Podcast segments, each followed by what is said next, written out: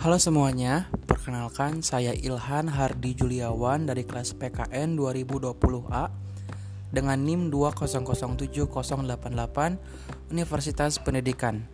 Di sini saya akan menanggapi pertanyaan dari Listia. Dalam macam-macam masalah kontemporer ada masalah kemiskinan dan faktornya. Bagaimana solusinya agar kemiskinan ini surut? Tentunya ada beberapa upaya yang bisa dilakukan pemerintah untuk mengatasi masalah kemiskinan. Yang pertama, Pembangunan sektor pertanian. Sektor pertanian memiliki peranan penting di dalam pembangunan karena sektor tersebut memberikan kontribusi yang sangat besar bagi pendapatan masyarakat di pedesaan. Kemudian ada pembangunan sumber daya manusia. Sumber daya manusia merupakan investasi insani yang memerlukan biaya yang cukup besar diperlukan untuk mengurangi kemiskinan dan meningkatkan kesejahteraan masyarakat secara umum.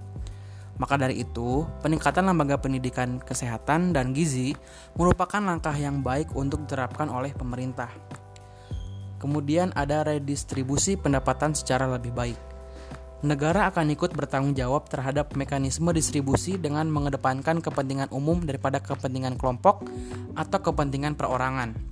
Dengan demikian, sektor publik yang digunakan untuk kemaslahatan umum jangan sampai jatuh ke tangan orang yang mempunyai visi kepentingan kelompok golongan, atau kepentingan pribadi. Kemudian ada pembangunan infrastruktur. Negara akan menyediakan fasilitas-fasilitas publik yang berhubungan dengan masalah optimalisasi distribusi pendapatan, seperti sekolah, rumah sakit, lapangan kerja, perumahan, jalan, jembatan, dan lain sebagainya.